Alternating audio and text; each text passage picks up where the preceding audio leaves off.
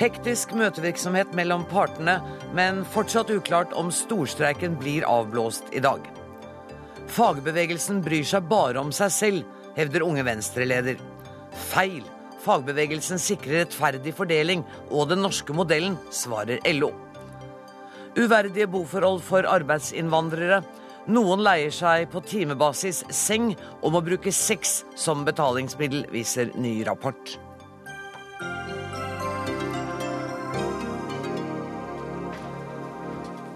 Kongeparet feirer i dag sine 75-årsdager. Flere enn 3000 barn og stor stemning på Slottsplassen i formiddag. Vi skal få direkterapport fra festen som fortsetter på Operataket. Men først skal det dreie seg om streik. Og jeg sier velkommen til to politiske kommentatorer, Stein Aabe fra Dagbladet og Magnus Takvam her fra NRK. Partene i statsoppgjøret sitter altså nå hos Riksmekleren i Oslo sentrum. Det skjer én uke etter at streiken var et faktum. Hedvig Bjørgum, reporter her i NRK, du er på plass der nede. Unnskyld. Hva sa partene da de ankom for en time siden? Når de ankom for en time siden eh, her nede i Oslo sentrum, så var de eh, alle tre partene på arbeidstakersiden eh, optimistiske. Eh, de skulle da møte Riksmekleren for å sondere, som det heter, eh, om det er mulig å vri og vende litt på de avtalene som er gjort tidligere, sånn at man kan komme til en løsning etter så lang streik. Hva kommer til å skje videre utover kvelden nå? Ja, vi håper at de kommer ut og sier at uh, de har bestemt seg for noe. Hvis de ikke gjør det, så fortsetter de å, streike som nå, og uh, fortsetter antagelig med, med bak, uh, bakholdssamtaler, som de har gjort til nå. Kan du si noe om hva som var den utløsende faktoren for at partene valgte å komme sammen igjen? Eh, nei, men nå har du to utmerkede herremenn i studio som kan svare på det. Hva skal jeg spørre det, dem om det? Det vi vet er jo at det er, det er vanskeligheter på alle bauger og kanter her. Altså det, skal det bli en ny avtale nå, så er det i hvert fall fire ting som må på plass. Det er eh, en ramme som eh, alle parter kan godta. Og det er en innretning, en fordeling av pengene som alle kan godta. Så er det alle disse spesialtemaene. Heltid, deltid, eh, kvinnelønn, lav lønn. Eh, og så er det en eh, kobling til eh, det som har vært i hvert fall mest støyende i dette streikeoppgjøret. Nemlig at de vil ha like mye som de industriansatte. En sånn kobling kan jo også være på tale. Takk skal du ha så langt. Hedvig Bøgum, jeg regner med at du melder deg hvis det skulle skje noe i løpet av den timen vi er på lufta. Og Magnus Takam, da begynner jeg med å spørre deg. Hva var den utløsende faktoren for at det ble tatt initiativ til et nytt møte? Vel, alle har jo eh, sett at dette var en streik eh, som eh, i hvert fall de fleste gikk motvillig inn i. Og det er ikke overraskende at det kommer et initiativ nå for å prøve å, og, og, løse det opp. Eh, og vi har også en brokete situasjon i og med at f.eks. i Oslo har enkelte godtatt tilbud som ligner på det som, som de, man gikk til streik på i, i, i utgangspunktet. sånn at eh, her er det all mulig grunn for alle parter til å prøve å strekke seg. Så, så får vi se om denne sonderingen, som eh, det heter nå, fører til at det faktisk blir mekling, og om alle parter f.eks. på arbeidstakersiden går med på det. Det er åpent fremdeles, dette. Er det noen av partene på arbeidstakersiden som har skrubba i forhold til mekling, eller for å si det på en annen måte, som heller vil gå for en lønnsnemnd? Det skal man ikke Altså det er i hvert fall, mener la oss si LO-siden, som jo har dette ansvarlige i ryggraden, holdt jeg på å si, som Der, der er det nok en viss frykt for at Unio eh, eh er for uh, lite fleksible i forhold til krav på ramme. Altså at de, er redd for at de er så knallharde at, at det blir urealistisk å få til en løsning. Så det er den typen spenninger mellom, mellom partene også. Og noen, noen tror at uh, Unio gjerne vil kjøre løpet ut, komme i lønnsnemnd og ta et oppgjør oppgjør med hele, hele liksom, eh, pakken rundt frontfag osv. Men det er bare spekulasjoner. Nå, har, nå, tror jeg kanskje det er en liten pause i samtalene nede hos Riksmekler, for Hedvig Bjørgum har bedt om å få være med oss igjen. Ja, jeg måtte det. fordi at her står jeg sammen med Pål Arnesen. Han er forhandlingsleder for YS stat. Og Arnesen, hva har dere gjort nå? Nå har vi vært inne og snakket litt med megler. tatt et sonderingsmøte, og nå skal vi gå ut og spise middag. Eh, hva betyr det? Har dere blitt enige om eh, å Vi er ikke blitt enige om noe som helst. Vi er fortsatt i streik og, og ble invitert på sonderingsmøte, og det takket vi ja til. Og nå skjer det ikke noe mer, nå går vi og spiser. Dere hadde vel egentlig ikke noe valg enn å takke ja til et slikt møte heller, det er, stemmer det? Det er høflighet å gå og møte megler når hun ber om det, så det er vanlig kutyme. Ja. Men betyr det at uh, dere nå ikke ser noe videre grunnlag for å, å forhandle videre? Per, per, nå så har vi ikke noe grunnlag å gå videre på. Så det, det er helt klart. Mm. Hva hadde du håpet før du gikk inn? Jeg hadde ikke noen forhåpninger. Jeg gikk inn med et åpent sinn. Eh, vi er i en eh, streikesituasjon som jeg håper at vi kan komme ut av raskt. Men det betyr jo at eh, staten må komme oss i møte. Men hvilke elementer var det som ikke var på plass, sånn at du kunne fortsette? Jeg har ikke diskutert elementer. Det, det har vi absolutt ikke gjort. Hva, hva, ble sagt? Kan du si noe om det? Nei, jeg kan ikke kommentere. Som du hører, mm. det er fortsatt streik. Takk skal du ha, Hedvig Bjørgum. Eh, Stein Aabe, politisk kommentator i Dagbladet. Nå hørte vi, hørte vi Pål Arnesen si at nå har de hatt dette møtet, nå går de og spiser middag, og det er alt vi får ut av det. Går det an å spekulere noe her? Nei, men De er i hvert fall blitt enige med hverandre om å respektere meklingsmannen, om at nå, nå holder vi kjeft så lenge. Sånn mm. at uh, det tror jeg ikke er uh, Man kan ikke tolke det veldig langt. Men han, han ga jo ingenting. Han sa jo ikke noe vi hørte jo Hedvig tidligere i sendingen sa at de var optimistiske, og nå var han litt mer um, avholden. Mm. Uh, så, men altså, det er klart at det har kommet litt mer på bordet her. Noen, ja, du tror det? Det tror jeg ganske sikkert. Noen har uh, åpenbart lagt et press, vil jeg tro, mm. på uh, Jens Stoltenberg og på Rigmor Aasrud. altså det at LO er med i en svær streik, tyder jo på at um, en eller annen kommunikasjon ikke har um, fungert optimalt før streiken. Og du skriver jo eh, i en kommentar at for seks år siden så tok Gerli Valla, daværende LO-leder, en telefon til Jens Stoltenberg, og de nødvendige 100 millionene kom på bordet. Er det ikke den type kontakt mellom Flåten og statsministeren? Det vet jeg jo ingenting om, men det vil jeg helt Det er klart det er det. Ellers, Så du tror at Flåten har ringt? Eh, det vet jeg ingenting om. Men, men altså, jeg tror det er tett kontakt mellom eh, LO-ledelsen og Ap-ledelsen, altså LO og regjeringen, eh, hele veien i en sånn prosess. Så, så, sannsynligvis, vil jeg tro, så har det kommet eh, litt mer penger på bordet. Jeg vet ikke hvor mye mekleren uh, Uh, sier, gjør osv. Det skal jo fortsatt mekles. Mm. Men uh, et eller annet uh, må hun ha å starte nye samtaler med og sonderinger med osv. Takk, ja. Nei, altså jeg, jeg, vet at staten sonder, eller har, har kommet med et noe høyere tilbud. Det var det så, altså det måtte til for i det hele tatt å få prøve å sette prosessen i gang igjen. De måtte se firetall, altså 4% i Ja, jeg vet ikke tallet, men eh, jeg går ut fra at de har kommet med, med noe. Men tydeligvis ikke nok til at det åpenbart at det blir, det blir eh, fortsatt uh, At man faktisk går inn i mekling. Det får vi vente og se på. Men det er klart, i forhold til beløp her, så er jo også Roar Flåten f.eks. Eh, ikke interessert på, på, vegne av dette frontfaget å gå for langt og, og liksom sprenge rammene helt. Så det er en eh, krevende situasjon eh, på begge sider av bordet. Men Åbe, Obbe, du skriver også, synes jeg var interessant, dette om den reelle lønnsveksten og den lønnsveksten som Finansdepartementet har beregnet og bomma på tre år. Eh, og det ser ut som man kanskje gjør det nå også. Er det Finansdepartementets beregning av lønnsvekst som nå ligger til grunn for tilbudet fra staten?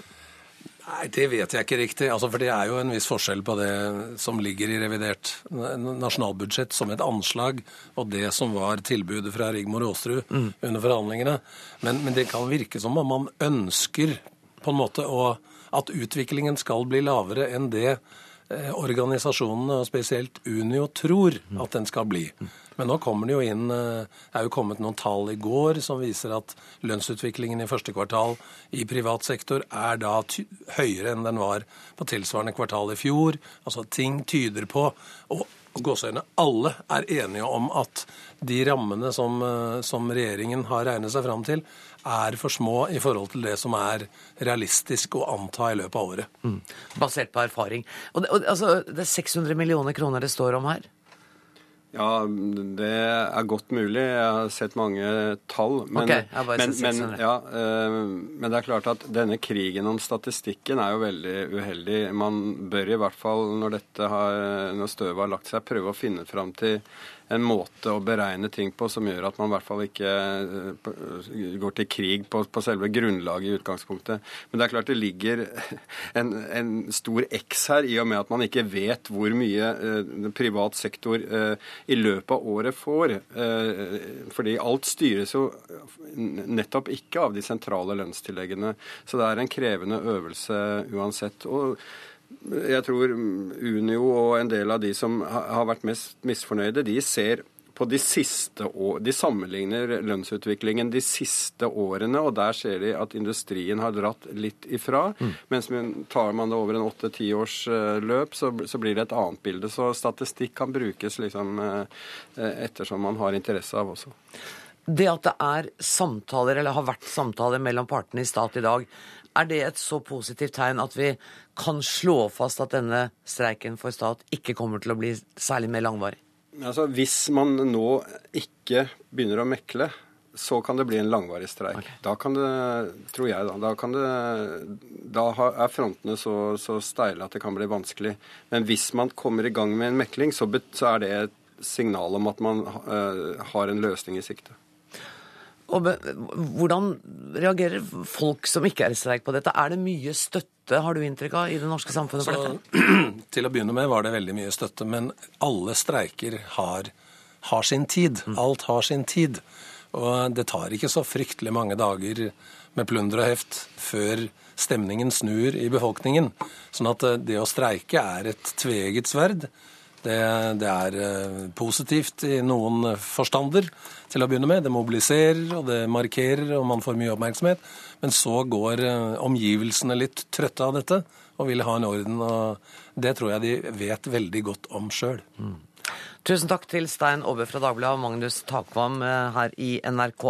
For altså, selv om det nå er uklart, men det kan se ut som partene i statsoppgjøret i hvert fall snakker med hverandre, og en avblåsning av streiken er en mulighet, så er det flere streiker i horisonten.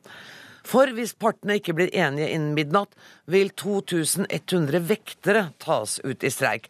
Og hva vil det bety for dem som skal ut og reise i morgen? Jo Kobro, du er informasjonssjef for Oslo lufthavn Gardermoen. Ja, det betyr at de vil møte lange køer hvis de kommer til, eh, til, flyplassen. Vi har vanligvis 4000 passasjerer gjennom i timen. Nå har vi en kapasitet med det uttaket som er, på 500. Og da kan man selv se at med den kapasitetsnedgangen så får vi store problemer. Og de problemene vil være fra i morgen tidlig? Ja, de vil være da Det kommer an på når folk kommer. Vi har jo vanligvis ikke bemannet opp uh, sluser midt på natten, men nå har vi fått til det. Så vi har bemannede sluser i løpet av natten. Og flyselskapene har oppfordret passasjerene til å komme i god tid. Slik at uh, jeg tror kan, man kan uh, risikere kø gjennom hele, hele natten. Hvordan definerer du god tid? Nei, det har jeg spurt meg selv ganger. Men det er veldig individuelt. Noen tar én eh, time å legge på én, og noen tar to timer å legge på én. Men hvis jeg skal ut og reise i morgen, hva ville du sagt da? Da ville jeg sagt at du burde være ute i god tid. Og så, så, så, må du vurdere selv når det er. Men det er jo det igjen at hvis alle da følger det rådet, så plutselig så forskyver man bare belastningen. Mm.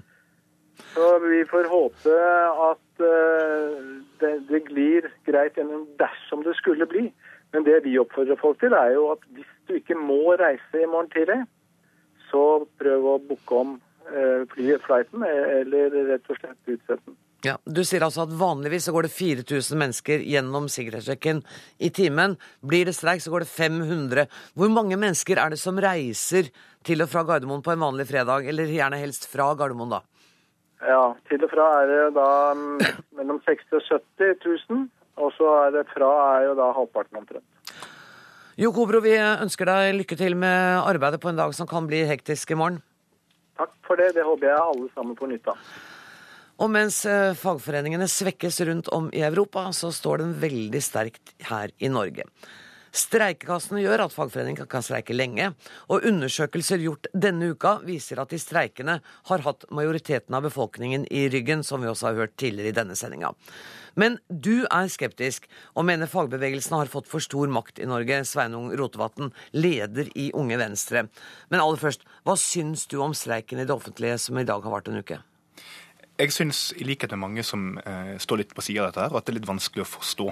Um, fordi at For noen måneder siden så var jo da bl.a. LO ute i NRK og sa at nå er det viktig med et nøkternt oppgjør, ikke minst i lys av alt det som skjer rundt oss i Europa. Og så Noen måneder etterpå så opplever vi da at det samme LO og andre fagorganisasjoner er i full streik. 50 000 er lagt ned i arbeidet pga. en uenighet om noen promille. Altså en kaffekopp om dagen er vel det jeg har fått høre er forskjellen her. Eh, og Det syns jeg er vanskelig å forstå, og det tror jeg mange som nå får svekka offentlige tjenester, også syns er vanskelig å forstå. Eh, Roar Flåten har sagt det gagner ikke europeiske arbeidere at norske arbeidere ikke forhandler fram gode avtaler. Ellers vil pengene gå til kapitaleierne.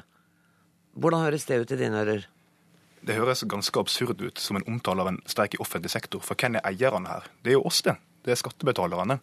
Um, og da syns jeg det blir litt spesielt å skape den typen uh, skremmebilde. Og vi vet jo det, at uh, lønnsveksten i offentlig sektor har vært sterkere enn lønnsveksten i privat sektor. At lønnsveksten totalt har vært tre ganger sterkere enn prisveksten de siste ti åra. Vi har det veldig godt. Vi svinger rundt i ei oljemarinert hengekøye av et statsbudsjett, og jeg tror vi mangler litt den kriseforståelsen som vi har i landet rundt oss, og da er det viktig å være nøkterne. Det opplever jeg ikke at fagforeningene er nå. Du går jo også til angrep på um, organisasjonslivet. Du sier at du vil støtte retten til å organisere seg, til å, også til å fagorganisere seg, men du mener at fagorganisasjonen ikke uh, er interessert i fellesskapets beste, de driver bare etter sine egne interesser.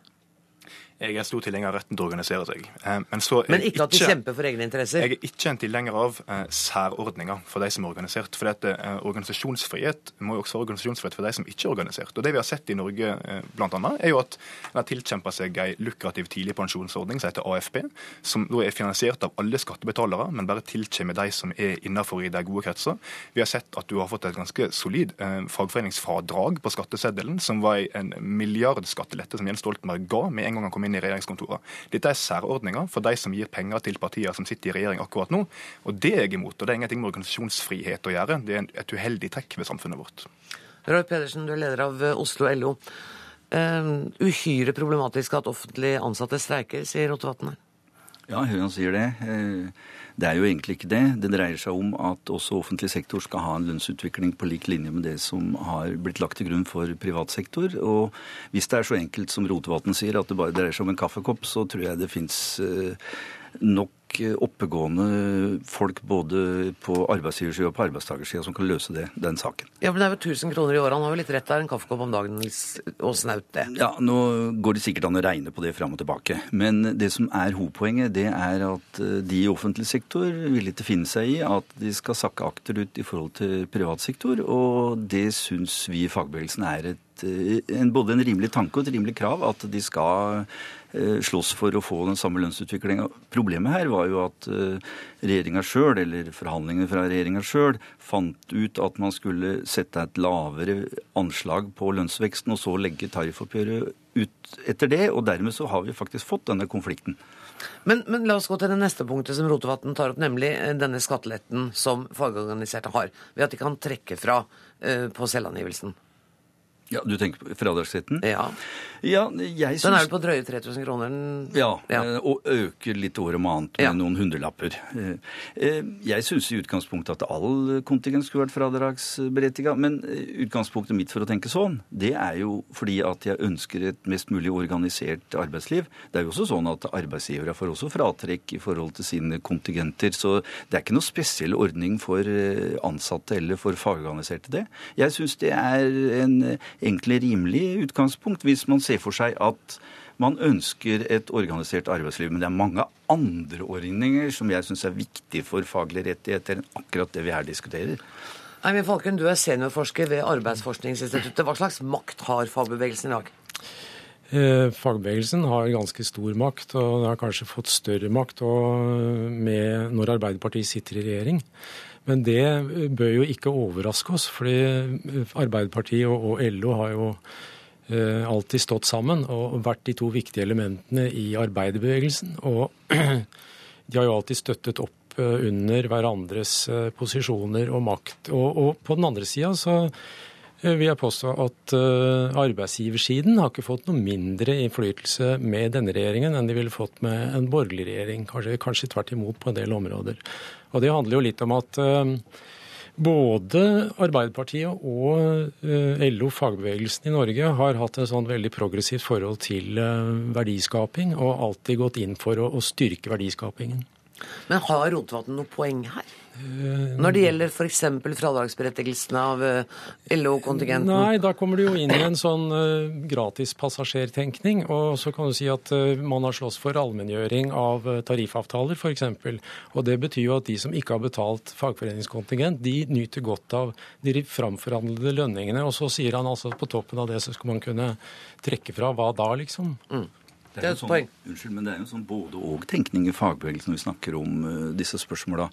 Én sak er at uh, vi slåss for lønn for uh, våre medlemmer og ordna arbeidsvilkår. Men det er jo også situasjoner, f.eks. når det var en stor ståhei rundt det med, med full lønn under sykdom. Mm. Det var jo en sak som vi har engasjert oss voldsomt i. Det, det angikk jo samtlige ansatte i kongeriket, så det er jo ikke riktig det at vi bare slåss for egne medlemmer. Vi har et bredt spekter med utgangspunkt i arbeidsfolks rettigheter. Ja, Det har vist seg i litt ulike eh, fasonger. Altså, vi i Venstre foreslo for en å innføre minstelønn i Norge. Eh, at det ikke skal være lov å tjene under en viss sum. Eh, da gikk jo LO ut og var mot det. og Begrunnelsen var helt sitatmessig at da vil det bli mindre attraktivt å være medlem i LO. Det mener jeg sier litt om tankegangen. Det er, jo det, det, det, er det samme vi har sett rundt det kontingentspørsmålet. Sittende regjering gikk jo til valg i 2005 på at en skulle ikke gi et øre i skattelette. Et øre i skattelette for det skinte av eldreomsorgen. Det skinner ikke av eldreomsorgen, men det første en gjorde, var å gi et milliardfradrag, milliardskattelette, til sine egne. Og vi må huske på det at eh, i forrige valgkamp i Norge så sto Fagforbundet for 16 millioner kroner i valgkampstøtte til de rød-grønne. Det er mer enn de to største opposisjonspartiene brukte på valgkampen til sammen. Det sier litt om at jeg mener vi er på vei i en feil retning av en korporativ stat, og det er jeg som liberal er uhyre skeptisk til. Og den streiken vi ser nå, mener jeg er et resultat av at regjeringa har skapt for store forventninger i forhold til hva som er fornuftig. Hvordan syns du at lønnsoppgjøret for offentlig ansatte skulle foregå? Jeg mener at eh, en må eh, beholde eh, frontfagsmodellen. Det tror jeg er utrolig viktig. Men nå ser en jo nå Jo, men Hvordan skulle det foregå hvis det ikke skulle streikes? Altså, Hva ser du for deg? Jeg er ikke for et streikeforbud, men jeg mener at terskelen for å streike i offentlig sektor bør være utrolig høy. Ja, Det er 24 år siden sist staten var i streik, er det ikke det? Eller 26, jo. eller noe sånt? Det vi ser da, er jo at når du streiker i offentlig sektor, det er jo oftere streiker kommunene, det er ikke bare staten vi snakker om her, så er det jo slik at det går bare utover én part. For dette arbeidsgiverne sparer jo penger på det her. De fagforeningsorganiserte får full lønn gjennom overfylte streikekasser, mens alle barn, unge, eldre, flypassasjerer, de som trenger disse tjenestene, det er de som taper. Og Det skiller offentlig sektor fra privat sektor. Da må streikevåpenet sitte utrolig langt inne. og Her har han gått altfor fort fram, mener jeg, og denne streiken her burde ikke skjedd. Falkum, nærmer vi oss det korporative samfunnet, sånn som Rotevatn sier? Vi lever i et blanda samfunn hvor du har både korporative mekanismer som bidrar til å styre, f.eks. Eh, nettopp, nettopp trepartssamarbeidet mellom staten, arbeidsgiverne og arbeidstakerne. og da Eh, skal vi jo huske på at grunnen til at det systemet kom i gang, det var jo, det var jo venstreregjeringen Mowinckel som ikke klarte å styre arbeidslivet på 30-tallet, og som eh, da gikk til, eh, til, NAF og LO og, ba dem på en måte komme fram til en avtale, og som ble hovedavtalen. Men da er kanskje det trepartssystemet litt forelda nå, eller? Nei, tvert imot vil jeg si. Norge er det eneste landet som faktisk praktiserer det omtrent, i hvert fall på den måten. Og, og hvis du sammenligner med f.eks. Eh, altså En av hovedforutsetningene for at det virker, er jo at at makten innad i, i arbeidsgiverorganisasjonene og arbeidstakerorganisasjonene er ganske sentralisert. Sånn at de kan gå inn i sentrale forhandlinger om et, om et overordna nivå på lønnsoppgjøret. Og sånn har vi det. Sånn har vi det. I Danmark så har f.eks. LO begynt å desentralisere makta, sånn at lønnsdannelsen foregår mye mer på forbundsnivå og med fagforeningene på arbeidsplassene. Og da, da mister man på en måte den styringsmuligheten som ligger i den trepartsmodellen, og som, som jeg mener er vel faktisk noe av grunnen også til at eh, Norge står seg så godt økonomisk som vi gjør. Mm. Og på 70-tallet var det jo en kamp mot sentraliserte oppgjør. Ja. Mm. Ikke sant? Da, da, da, kjempet man på venstresida i Norge mm. for å få forbundsvise og desentraliserte mm. oppgjør. Det har man jo nå etter hvert gått helt bort fra LO. Nei, det er jo ikke helt riktig, men det er veldig mye god beskrivelse det som blir sagt her. Altså, det er en spesiell form for lønnsdannelse i Norge, og det har noe med at vi har det vi kaller for landsomfattende overenskomster, og at sentrale sentrale forhandlinger da bidrar til at eh, det angår alle medlemmer i de ulike forbundene, uansett hvor du bor i landet. Og det er en måte å tenke lønnsdannelse på som jeg tror fagbevegelsen Norge er bekvem med. Så kan vi gjerne diskutere store og små tillegg og alt det der, men prinsippet syns vi er veldig viktig å ivareta. Og det er snart ingen andre land i Europa som har det heller. Mm. Men du, jeg, jeg, springer litt fram og tilbake, jeg beklager det, men, men det Rotevatn sa om at uh, streikeviljen bør Det bør, skal mye til, bør være et stort sprang for offentlig ansatte å gå til streik. Er du ikke enig i det? Eh, det er litt merkelig å høre Rotevatn, for han, han, på den ene sida syns det er flott med streikeretten, og så etterpå så diskuterer han at den burde vært innskrenka, spesielt for offentlig sektor. Nei, han sier ikke at den skal være innskrenka, men at nei. Ikke sant? Jeg, syns at den må vise større moderasjon, ikke at den skal innskrenkes. Jeg mener at det er blitt skapt for store forventninger nå som ikke er innfridd, og da går det til streik altfor fort. Hvis du sier at uh, han skal på en måte vise moderasjon eller skal ha, holde mer tilbake i forhold til å streike osv. i offentlig sektor enn i privat sektor, så er jo det på en måte en, en form for innskrenkning. Men poenget er det er jo ikke heller sånn at en norsk fagbevegelse streiker i tide og utide. Her kom det en reaksjon på en opplagt urettferdighet. Jeg mener den kunne faktisk vært unngått òg, hvis uh, regjeringas forhandler her på sin side hadde vist litt uh, større hva skal jeg si, evne til å drive håndverk i, forhandlingssystemet, så hadde dette kanskje gått i mål. Nå er jo det litt hypotetisk, for vi sitter her vi sitter, men mm. jeg mener at streik Altså antall streiker eller bruk av streikeretten i Norge holdes på et rimelig ryddig nivå, også i forhold til offentlig sektor. Folkum? Ja, altså Sammenlignet med andre land så har vi et utrolig lavt uh, konfliktnivå i norsk arbeidsliv. og Det mener jeg skyldes nettopp denne balanseringen av makt mellom arbeidsgiverne, arbeidstakerne og staten. Det er det som gjør det mulig uh, langt på vei. Mm. Hvis du sammenligner med Danmark, har, har oppimot 900 000 arbeidslivskonflikter i, i året ofte. Det varierer jo en del. I Norge så ligger det som regel under 20.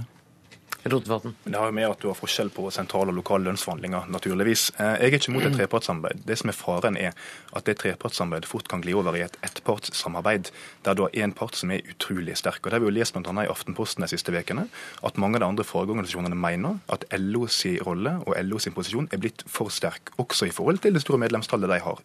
Bl.a. gjennom at en da har representasjon i Arbeiderpartiets sentralstyre, at en har egne møter med statsministeren. og det er at Da blir forventningene fort høye. Da blir det LO som sitter og bestemmer for mye, og det er ikke bra i et liberalt samfunn. Strålende innledning til en ny debatt, men vi må avslutte den vi holder på med her. Tusen takk til Sveinung Rotevatn, leder i Unge Venstre, Roy Pedersen, leder av Oslo LO, og til Eivind Falkum, seniorforsker ved Arbeidsforskningsinstituttet.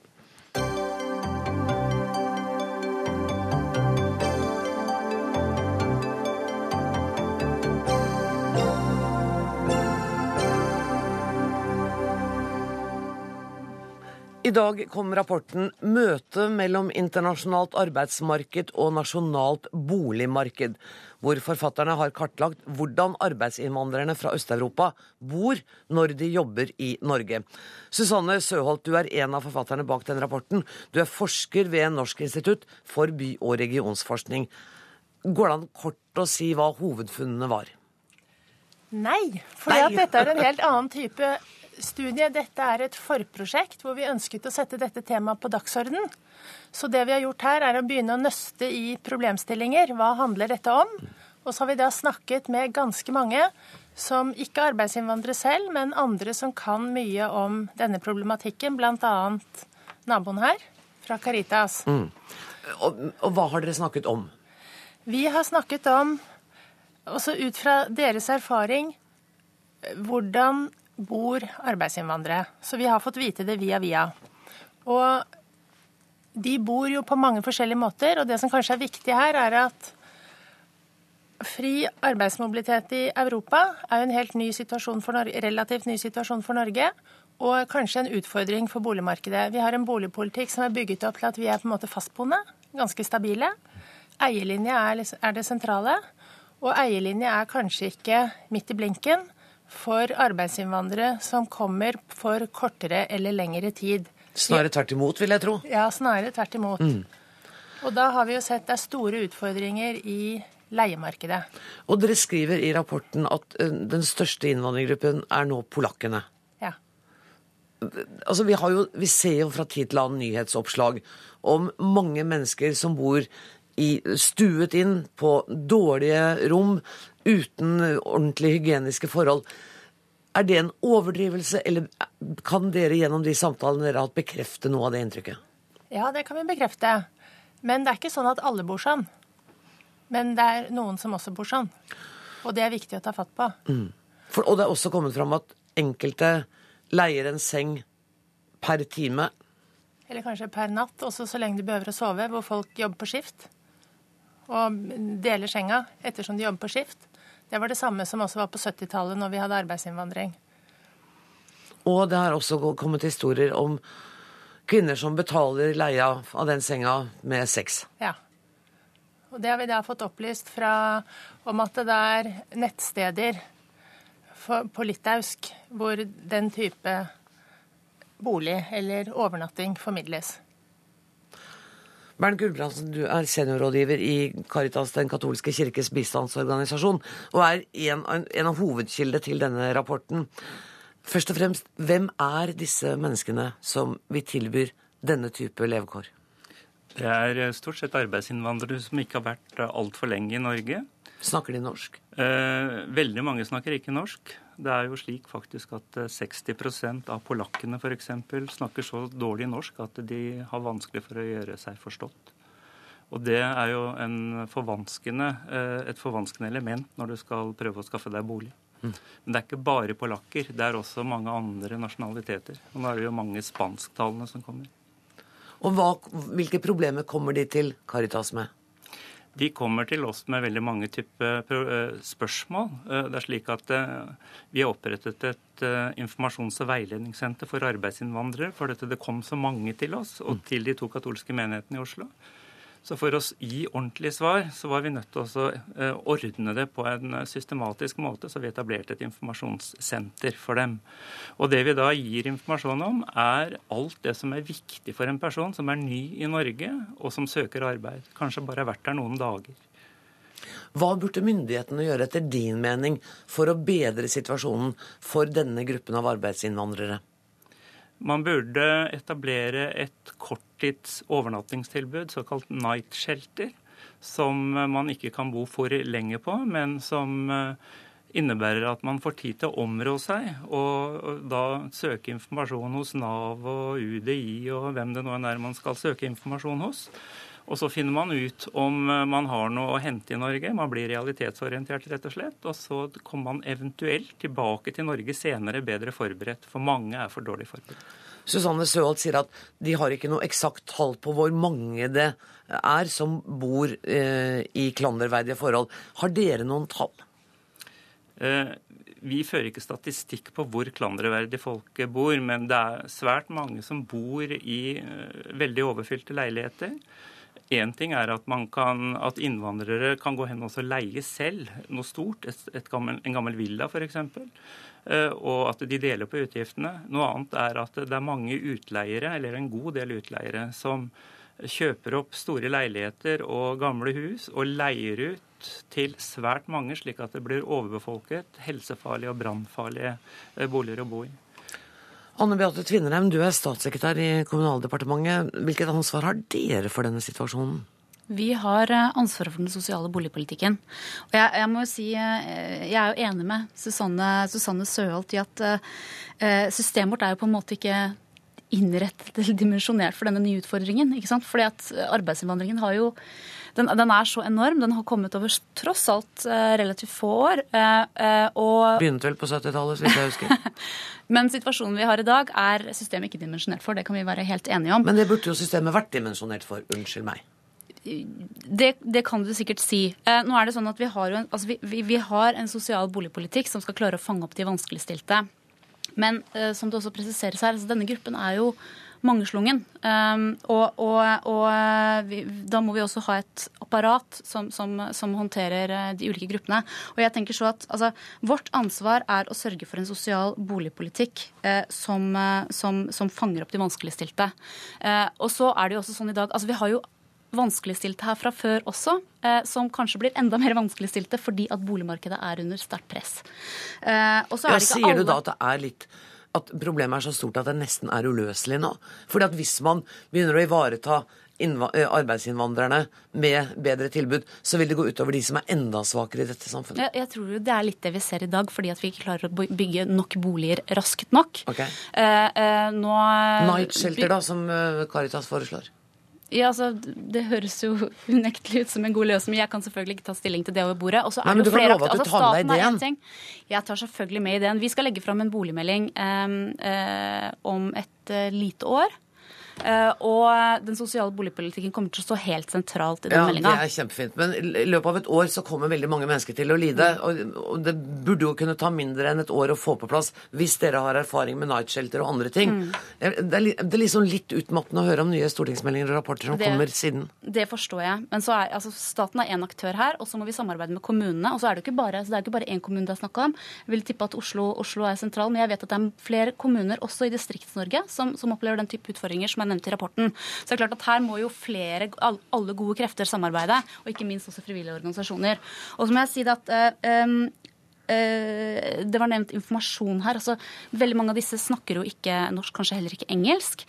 Vi har jo produsert et, et utall informasjonsbrosjyrer om folks rettigheter. Kanskje det er på feil språk. Det kan være et tiltak. Og så må jeg også si det at altså i forhold til Kommunaldepartementets ansvar. Eh, så, så, så, altså noe av dette dreier seg om ulovligheter. ikke sant? Mm. Rett og slett ulovligheter. Og da, da, har vi et system som skal fange opp, eh, som skal avdekke det, og som skal sanksjonere. Og det, det kan også bli bedre. Mange gode forslag. F.eks. at brosjyrene kommer på riktig språk. Syns jeg var en kjempe, kjempeidé. Eh, så dere har sett på fire kommuner. Haram er en av dem. Og det er jo et faktum at særlig polakker bor jo veldig veldig spredt. Ja, De bor i hele Norge, så dette er ikke bare et Oslo-problem, dette er et Norge-problem. Og særlig det med informasjon, altså boliginformasjon, vi satt og gikk gjennom. Det er på norsk. Husbanken er på norsk, Obos er på norsk. Statssekretæren har nå lovet at ja. disse skal komme på Det har du lovet, ikke sant? At dette skal komme på riktig språk. Jeg skulle ønske at vi slapp å diskutere dette flere ganger. At, eh, at uh, disse menneskene fikk ordnede boforhold. Men ja, du skal få siste replikk. Er det lov å si en ting til? Også det som vi trenger informasjon, ja. og Vi trenger night shelter. Men vi trenger mange nye leieboliger i ordnete forhold. Ikke-kommersielle leieboliger. Og det er, handler om politisk vilje om å få til det. Og det gjelder det ikke bare denne gruppen. Ja, men Så bra! Tusen takk til forsker Susanne Søholt, Anne Beate Tvinnereim, som er statssekretær i Kommunaldepartementet, og Bernt Gulbrandsen fra Caritas.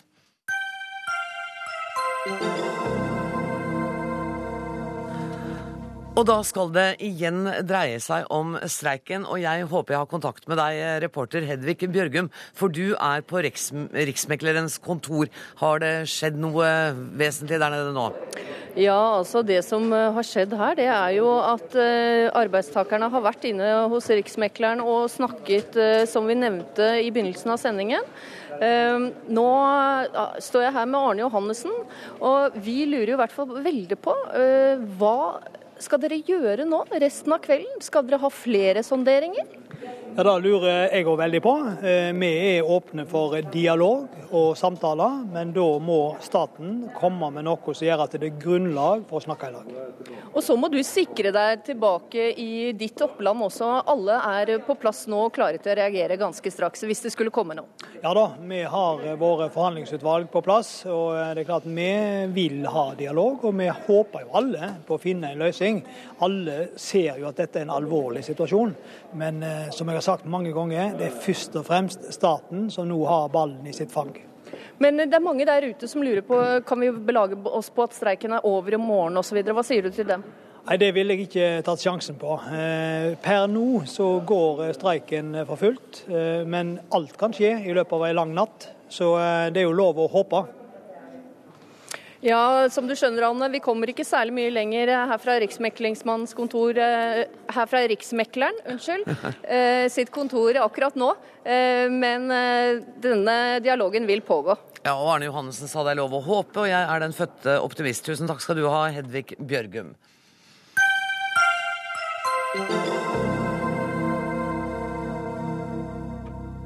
I dag har de første ideologisk sakkyndige vitnet i terrorsaken i Oslo tingrett, hvor temaene bl.a. har vært politikk, terrorisme, høyreekstremisme.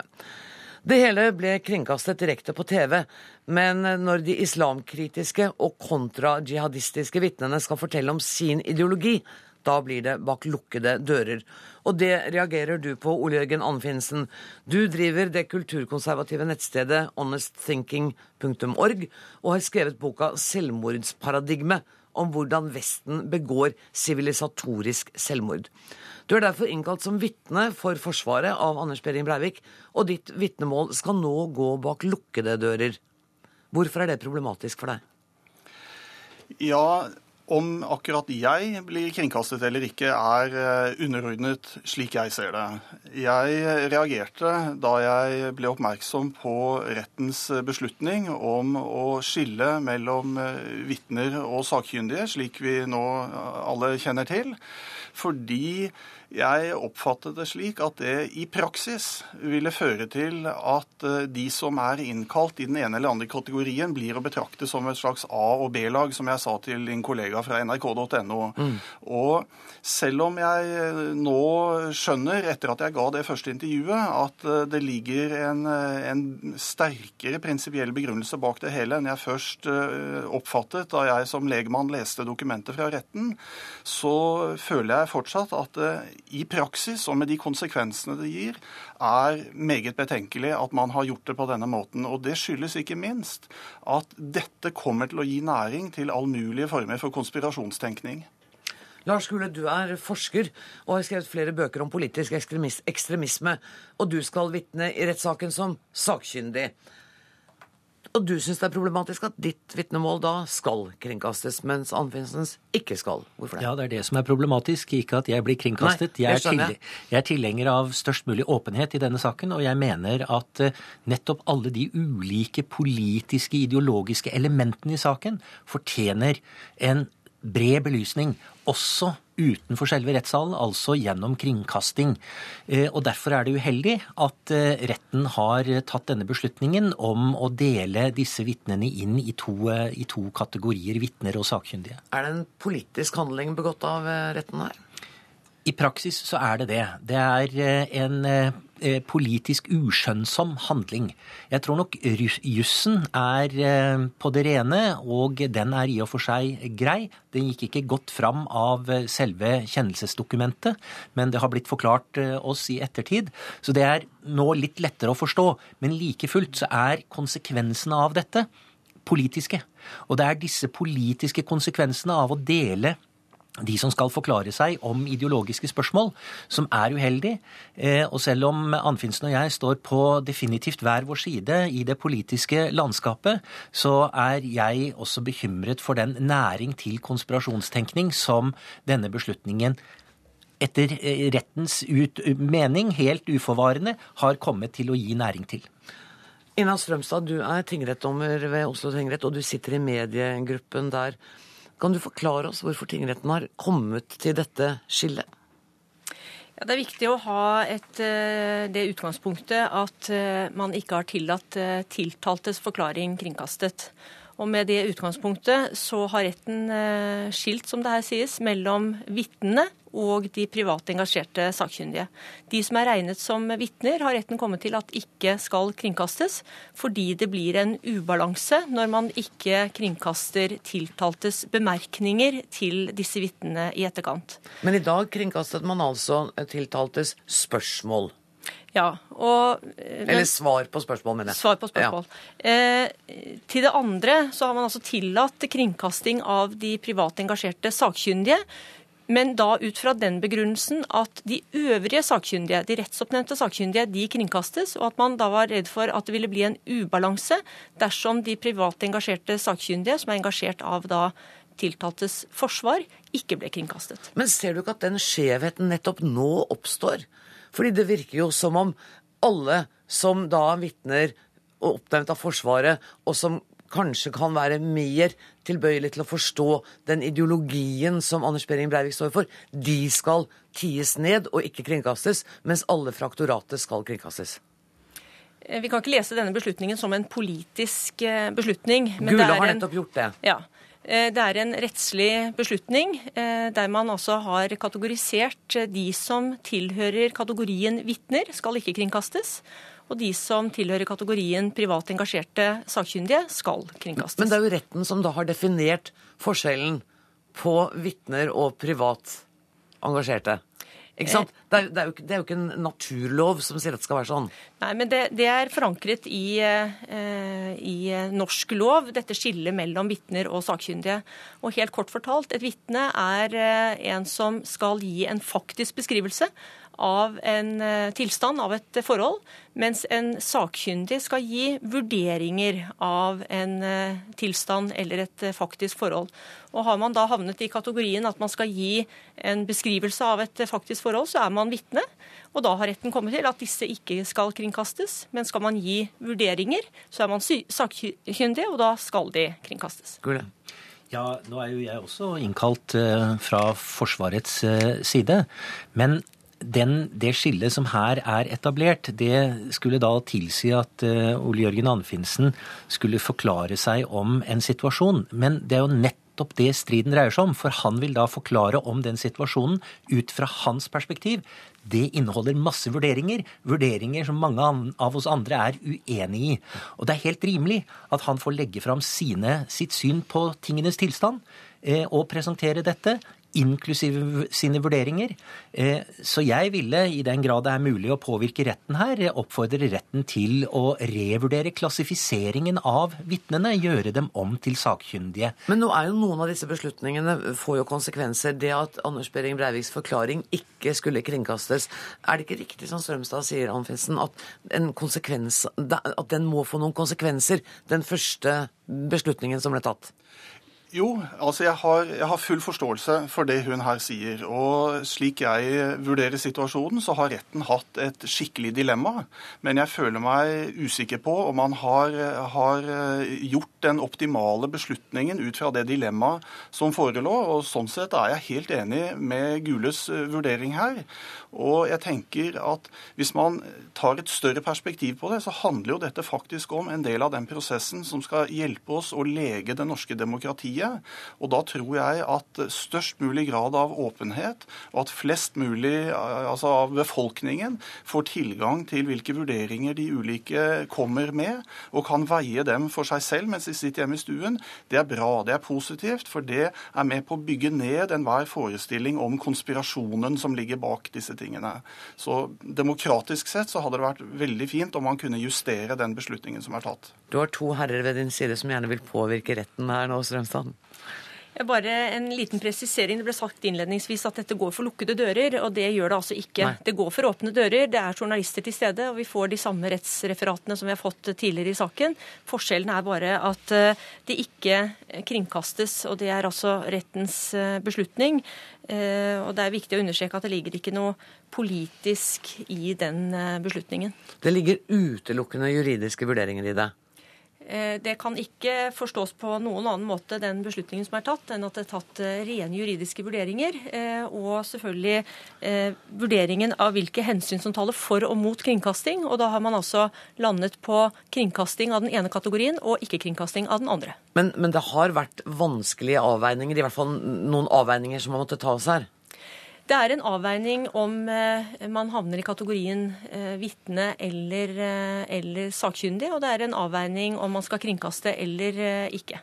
Dette argumentet som begge dine sidemenn kommer med, at denne praksis som nå er vedtatt, gir grobunn for konspirasjonsteorier. Hva tenker du om det? Det er en ren rettslig beslutning, og hvordan andre oppfatter den, tror jeg ikke jeg skal ha noe mening om. Eh, det er jo ikke uvanlig at det er ulike syn på en rettslig beslutning. Eh, og i en beslutning som eh, jo er spesiell i den forstand at det er jo ikke vanlig å kringkaste rettsmøter i Norge. Og så har man ut, gitt tillatelse til det i ganske utstrakt grad i denne saken. Og det er klart det reiser helt sikkert ulike syn. Gule. Ja, jeg vil berømme retten for eh, en uvanlig stor grad av eh, åpenhet. Og dette pløyer eh, ny juridisk mark også, tror jeg. Men like fullt, det må være lov til å bemerke at flere parter i denne saken har undervurdert den politiske dimensjonen ved hele saken. Mm. Det har vi sett hos de første rettsoppnevnte sakkyndige. Vi ser det i aktoratet. Eh, og beklageligvis altså i denne kjennelsen eh, så har altså den politiske dimensjonen ikke blitt tatt tilstrekkelig hensyn til. Men eh, det kommer altså ikke til å skje noen forandring selv etter at dere har sittet i Dagsnytt 18-studio. Men dere skal ha hjertelig takk for at dere kom. Lars Gule, Ole Jørgen Anfinsen og Ina Strømstad.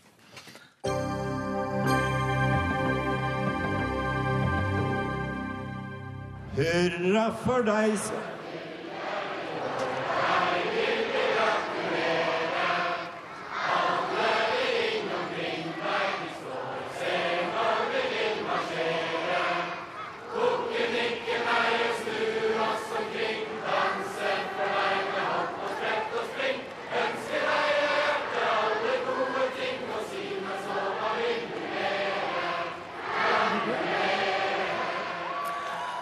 Ja, sånn hørtes det ut på Slottsplassen i Oslo da flere enn 3000 barnehagebarn sang bursdagssangen av full hals for kongen og dronningen, og de fikk boller og juice til takk. Før det hadde Gardenstrilkorps imponert, og denne feiringen har altså pågått siden klokka var ca. ett i formiddag. Om en halvtime starter festen som du er vert for, statsminister Jens Stoltenberg. Gleder du deg? Det gjør jeg, og jeg vet at eh, kongeparet, bursdagsbarna, gleder seg veldig. Og det er jo eh, dobbel bursdag. Vi feirer 75-årsdag eh, for dem begge. Og de har valgt denne dagen som er omtrent midt mellom de to fødselsdagene. Hva er gaven du har med deg i dag? Gaven er festen, er konserten som er på Operataket. Som er tilgjengelig for alle. Det er en folkets fest til folkets konge og folkets eh, dronning. Eh, folk kan være på Operataket, og folk kan sitte hjemme i de tusen hjem og uh, følge med på TV. Og I tillegg så fikk de litt tidligere i år så fikk de en utstilling av kongelige ting. Altså Det er ting de har selv, som vi har stilt ut for dem, og som forteller mye om kongens og dronningens posisjon i Norge. Mm. Og det er alt fra klær til sølv. En stor mengde gjenstander som nå er tilgjengelig for oss alle å se på. Du, Hva er det du gleder deg mest til, statsminister, i kveld? Det er å synge bursdagssangen. Det blir mange fine innslag og mye fin kultur. Men jeg er veldig glad i bursdagssangen, og den synger vi på kontoret. Eh, Hver dag? Nei, men veldig ofte. Mange, eh, ofte noen har bursdag. Og da gjør vi det på den ordentlige måten at vi synger uh, 'Hurra for deg', men så reiser man seg, og så bukker man og nikker og neier. og neier og snurrer rundt i ring. Det mener jeg man må gjøre ordentlig. Kan ikke bare jeg skal si, synge det, man må også gjøre det. Og dermed tror jeg jeg dropper den søknaden om å få jobbe på ditt kontor. Men du, um, uh, du skal holde tale til kongeparet i kveld. Ja. Uh, kan du forskuttere litt bitt til Dagsnytt 18s uh, lyttere og seere hva du kommer til å si? Jeg kommer til å takke dem og si litt om hvor glad vi er i dem. Og hvor viktige de har vært fordi de har vært med på å forme vår tid. De har gjort noen modige valg, helt uh, tilbake til da de bestemte seg å gifte seg med hverandre. Det var ikke åpenbart den gangen. Uh, og de har eh, stilt opp for barna sine på en måte som jeg tror at mange foreldre har latt seg inspirere av og lært en del av. Det kommer talen til å dreie, dreie seg om, men det er jo en kort, liten bursdagstale.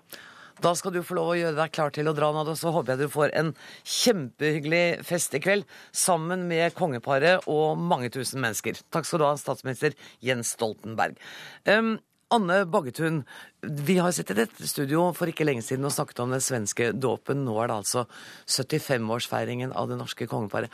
Han sier her at eh, statsministeren sa at de har tatt noen modige valg, bl.a. det å gifte seg. Mhm. Ja, jeg tror det er helt riktig. Eh, det var slett ikke selvfølgelig at de skulle få lov til å gifte seg den gangen. Og en borgerlig kvinne inne i kongefamilien i, i 68, det, det var ikke vanlig.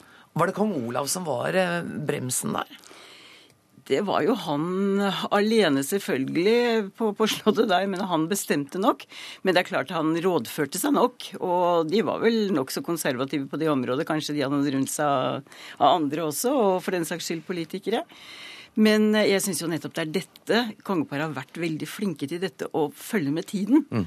Altså Konge- og dronningrolle er ikke den samme nå for ja, ikke engang for ti år siden. Og de har vært kjempeflinke, syns jeg, til å tilpasse seg og endre seg. Og så er det hyggelig at de har lyst til å feire denne dagen sammen med uh, sine landsmenn. Uh, og på uh, Operataket er reporter Kari Li. Um, det var altså i går stappfullt, for da var Justin Bieber der. det er kanskje ikke fullt så mange der i dag, Kari? Nei, det er ikke fullt så mange her i dag. Og du kan vel si at mens det var de hylende ungjentenes tur i går, så er det de voksnes tur i dag. Eh, jeg vil tro det er en sånn ca. 1500 mennesker her, kanskje. Men nå er vi litt tidlig ute òg, for festen har ikke begynt ja. Ja, ja, det her er det mulig å komme på operataket for den som vil. Men da må man skynde seg litt, fordi kvart over sju så stenger taket av sikkerhetsmessige grunner. For det er jo da rett før kongeparet og statsministeren kommer. Mm. Og statsministeren har lovet oss at han skal synge bursdagssangen for dem, så den kommer de til å få høre mange ganger i dag. Hva inneholder dette programmet i kveld, Kari? Jo, De som er her, og alle med TV, de kan få se en uh, festforestilling. Uh, fra, på TV så er det fra klokka kvart på åtte. Skuespiller og artist uh, Herborg Kråkvik leder showet, og med seg på scenen så har hun popyndlingen Marit Larsen. Ole Paus skal synge og si noen ord, lover han. Og rappgruppa Envy er her. Henning Kraggerud, Oslo Filharmoniske Orkester og Den Norske Opera og Balletts barnekor. Så her det, er det mye godt i vente. Det blir stor fest. Du får hygge deg med alle de andre. Uh, Anne Baggetun, um, Husker du forlovelsedag? Ja, det gjør du selvfølgelig da kronprinsparet forlovet seg. Du var ikke på pressekonferansen, uh, men vi har et kutt. For den gangen uh, da var det et Da var det spørsmål om hva frøken Sonja Haraldsen skulle komme til å hete. Hun vil eh, I hvert fall én ting jeg kan si, er at hun vil bli min kone. Hva hun da skal kalles, det vet jeg faktisk ikke. Når gjorde de, frøken Haraldsen, dem opp den mening at kronprins Harald var mannen for dem? Ganske hurtig. Når bestemte paret seg for å gifte seg? Det eh, er ikke så forferdelig lenge siden. Ja, kan du si nøyaktig tiden? Første gang vi snakket om det? Ja, altså, da vi bestemt oss? Nei, det husker ikke jeg, men uh... Det er ingen som husker det? Nei, det er ikke det.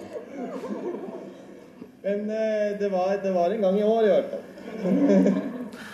Litt forlegen latter fra de unge nyforlovede. Anna Paggetun, eh, det har vært mye snakk om kongen og hans betydning, og hvordan han har akslet arven etter faren sin. Men dronning Sonja har da jammen også betydd mye, for det var et mannsdominert miljø hun kom inn i? Enormt, tror jeg. Det tok jo omtrent 20 år før hun fikk eget kontor på Slottet. Nei, det er klart at det var mannsdominert. Og jeg syns hun har vært kjempeflink akkurat der. Veldig flink. Og, og at hun fikk på en måte åpne ting for kongen. Åpnet han opp den viss grad, det tror jeg er helt riktig. Ja, for han har jo selv sagt at han var sjenert, ja. blyg, tilbakeholden, hadde vanskeligheter for å snakke i offentlige sammenhenger. Ja, og så hadde han en, en skal ikke kalle han autoritær, men en far. Som var, som var, folkekongen og store kongen. Det var ikke lett å være den som gikk bak i hælene der. Og det er også det han skulle Kong Harald, eller da kronprins Harald han overtok, han skulle endre på dette. Han skulle skape seg sin egen rolle etter en veldig mektig, mektig og kjent, veldig velkjent far. Og kanskje og ganske streng far? På mange det måter? tror jeg nok også på mange måter, og ikke så veldig veldig moderne på mange måter. Så, så det tror jeg var litt en, litt av en jobb, og det, det er det jeg syns han har klart. altså. Det har de klart sammen, Eller de har klart det sammen. Helt riktig. Skal vi være enige om at vi gratulerer dem eh, så hjertelig med dagen og håper vi. de får en fin fest? Det gjør vi hjertelig. Gratulerer. Tusen takk for at du kom i studio, tidligere reporter her i eh, NRK, Anne Baggetun. Dermed nærmer det seg slutten på nok en utgave av Dagsnytt 18. Ansvarlig for denne sendinga er Dag Dørum. Det tekniske ansvaret har Erik Sandbråten. Jeg heter Anne Grosvold og er på plass igjen i morgen klokka 18. Takk for nå.